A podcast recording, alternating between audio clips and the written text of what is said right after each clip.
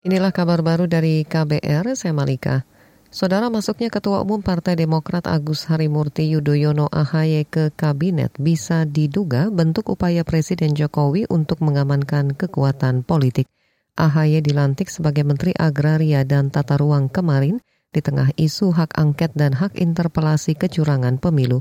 Hal itu diungkapkan Ketua DPP PKB Lulu Nur Hamidah.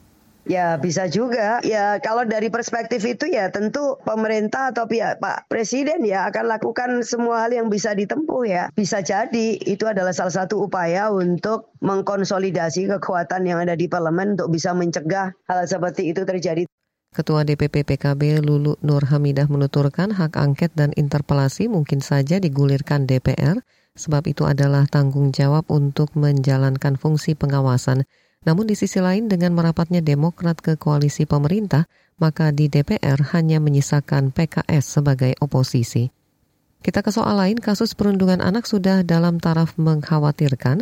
Anggota Komisi Perlindungan Anak Indonesia KPAI, Diah Puspitarini mengatakan peristiwa perundungan di Binus School Serpong, Banten adalah contoh fenomena gunung es sebab kemungkinan ada banyak kasus serupa yang tidak dilaporkan perundungan ataupun juga kekerasan pada anak itu sudah cukup pada taraf mengkhawatirkan ya karena perilakunya sudah di luar akal logika dan juga sudah sangat keterlaluan menurut saya ya. Nah itu pun juga kami pikir harus ada filtering, filtering di media sosial ini yang berkaitan dengan kekerasan, konten kekerasan dan lain sebagainya itu juga bisa ini ya dihapus begitu.